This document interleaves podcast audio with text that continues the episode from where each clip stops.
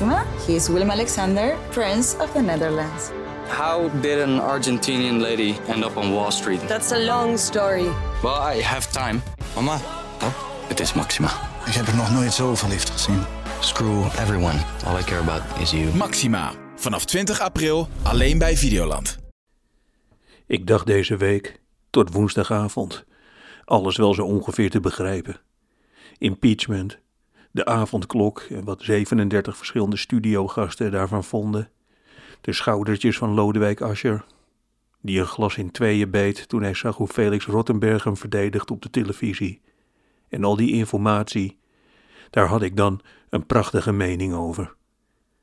Tot vanochtend. Twee nieuwsdingetjes krijg ik niet helemaal onder controle. Geen idee wat ik ermee aan moet. Eerste dingetje. Corona komt misschien niet uit China. Dat is een enorme klap. Nederlanders vinden het fijn als enge dingen uit het buitenland komen. China is dan altijd het fijnste buitenland voor enge dingen omdat ze daar raar eten. Niet zoals wij in ieder geval. Ongeveer duizend keer heb ik het een oom van mij horen vertellen. Chinezen, die laten een hele harde boer na het eten. Op die manier complimenteren ze de kok.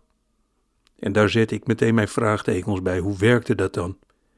Die kok, die was dus in de keuken met allemaal sis om de pannen om zich heen. Stond hij dan de hele avond met zijn oor tegen de keukendeur om te luisteren of er iemand een boer liet? Corona, misschien niet uit China, dat is het nieuws. Een enorme tegenvaller. En nu moeten we ons dan in vredesnaam maar gaan concentreren op de Engelse variant of de Zuid-Afrikaanse. Maakt verder niet zoveel uit als het maar uit een ander land komt. Dat is fijn. Dat stelt Nederlanders gerust. Je hoort nooit eens een keer dat corona uit Geldermalsen komt. Dat de nieuwslezer zegt: het werd per ongeluk ontwikkeld door iemand die achter zijn huis zelf bier brouwde. En let op hè, als we de buitenlandse corona eronder hebben, dan heeft opeens iedereen iets uit Japan. Mensen met spierwit haar worden ochtends wakker met een kort zwart kapsel. Ik zou er trouwens een moord voor doen. Maar wat ik daar allemaal van vind, dat houdt u nog te goed. Het tweede verwarrende bericht. Journalistencafé Scheltema aan de Nieuwezijds Voorburgwal dreigt door de coronacrisis zijn deuren voor goed te moeten sluiten. Het gaat mij even om het woord journalistencafé. Ik lees dat en daarna kan ik niet meer denken.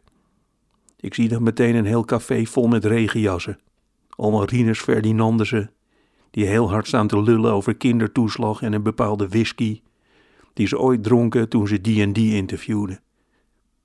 Ik probeer dat te begrijpen. Dat je als journalist naar een journalistencafé gaat.